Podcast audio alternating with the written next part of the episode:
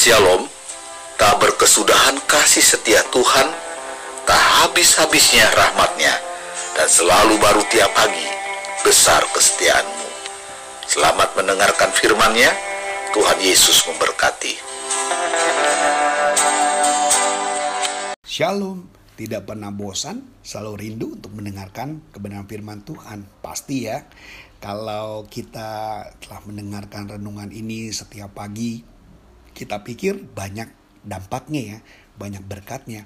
Dan jangan lupa kalau saudara diberkati, bagikan ya. Selalu saya ajar saudara untuk membagikan, karena itulah sungai Yordan. Dia selalu mengalir, ya. Dan makanya sampai hari ini sungai Yordan sungai yang tidak pernah kering. Kenapa? Selalu berbagi. Lihat uh, laut asin atau laut uh, garam yang ada di Israel, ya Yordania perbatasan semuanya. Laut tersebut dia makin lama makin berkurang.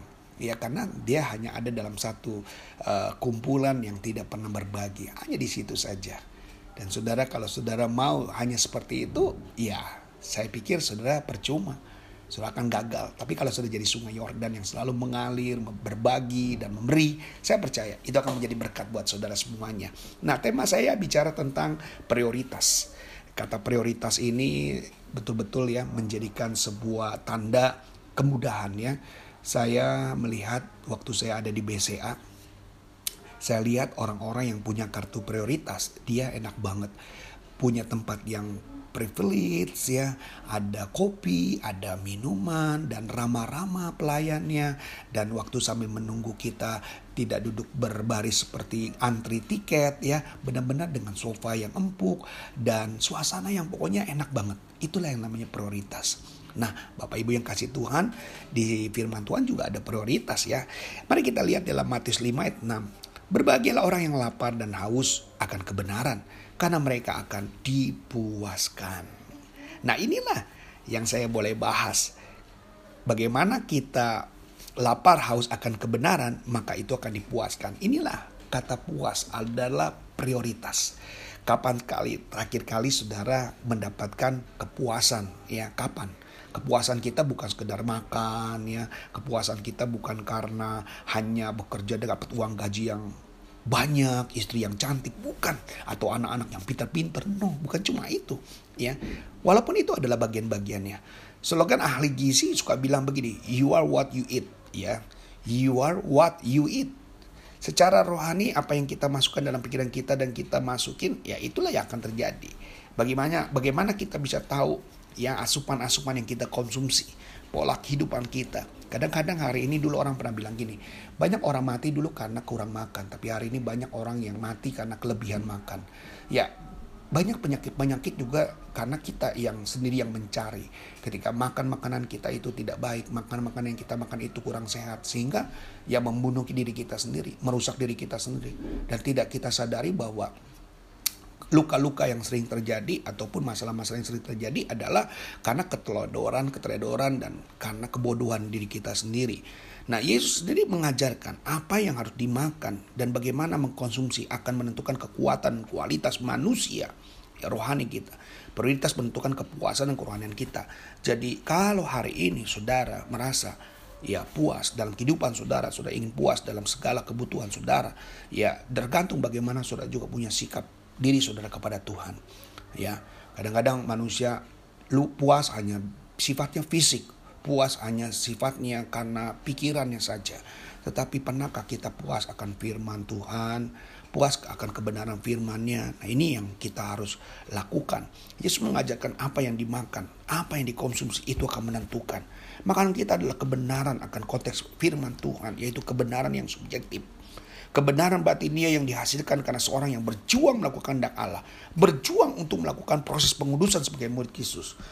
Hidup sikap kita dalam melakukan kebenaran, haus dan lapar seperti di gurun. Kita kadang-kadang kapan kita haus akan kebenaran firman Tuhan. Kapan kita lapar untuk mendengarkan firman Tuhan.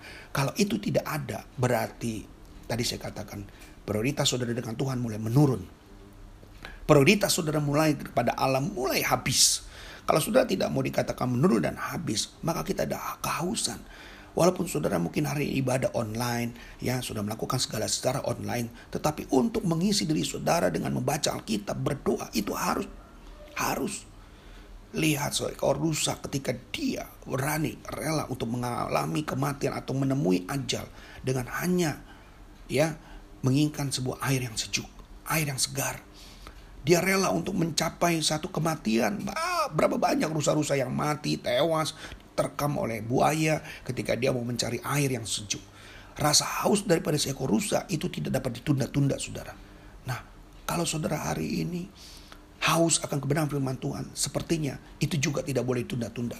Saudara harus seperti rusa, reka, nekat untuk melakukan segala sesuatu demi kepuasan, demi rasa lapar itu tercukupi, yaitu menemukan kebenaran dari firman-Nya. Taruhan adalah nyawa pasti. Tadi saya katakan rusa, dia rela mati dia rela lakukan apa saja dan tidak ada mampu yang menahan rasa hausnya seekor rusa.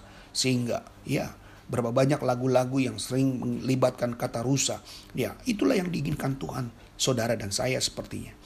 Yesus memang tidak mengatakan bahwa sekali lapar dan haus melainkan terus-menerus sikap yang menjadi gaya hidup. Ya, memang hanya sesekali, tetapi terus. Upah dalam melakukan kebenaran pasti ada. Prioritas saudara pasti ada, saudara akan dipuaskan.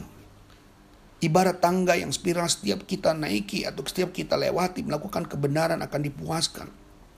Bangkitkan hasrat baru saudara, bangkitkan pertumbuhan supply buat kehidupan kita. Kita hari-hari ini butuh.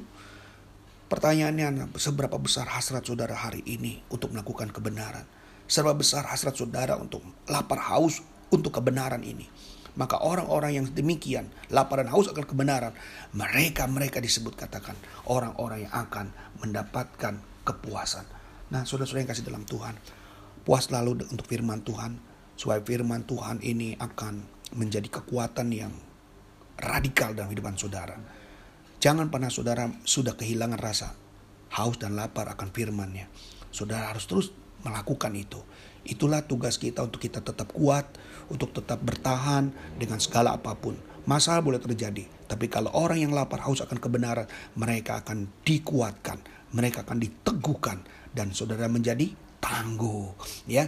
Saya percaya saudara-saudara diberkati oleh podcast ini dan jadilah orang yang lapar dan haus akan kebenaran, maka saudara akan dapat prioritas. Prioritasnya bukan sekedar minum kopi, ya, duduk di tempat kursi yang uh, sofa yang empuk, ya, kemudian dapat ruang AC yang nyaman, ya, yang dipanggil dengan lembut, bukan, tetapi kerajaan sorga yang lebih lebih lebih indah daripada yang ada di dunia ini. Saudara diberkati, saya diberkati, Pastikan podcast ini akan menjadi berkat selalu buat saudara. Puji Tuhan.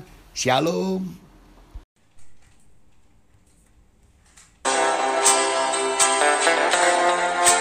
Sampai jumpa esok hari. Kiranya damai sejahtera dari Allah Bapa, kecintaan dan kasih karunia Tuhan kita Yesus Kristus, persekutuan serta penghiburan dari Roh Kudus menyertai kita sekalian mulai hari ini sampai Maranatha Tuhan Yesus datang. Amin.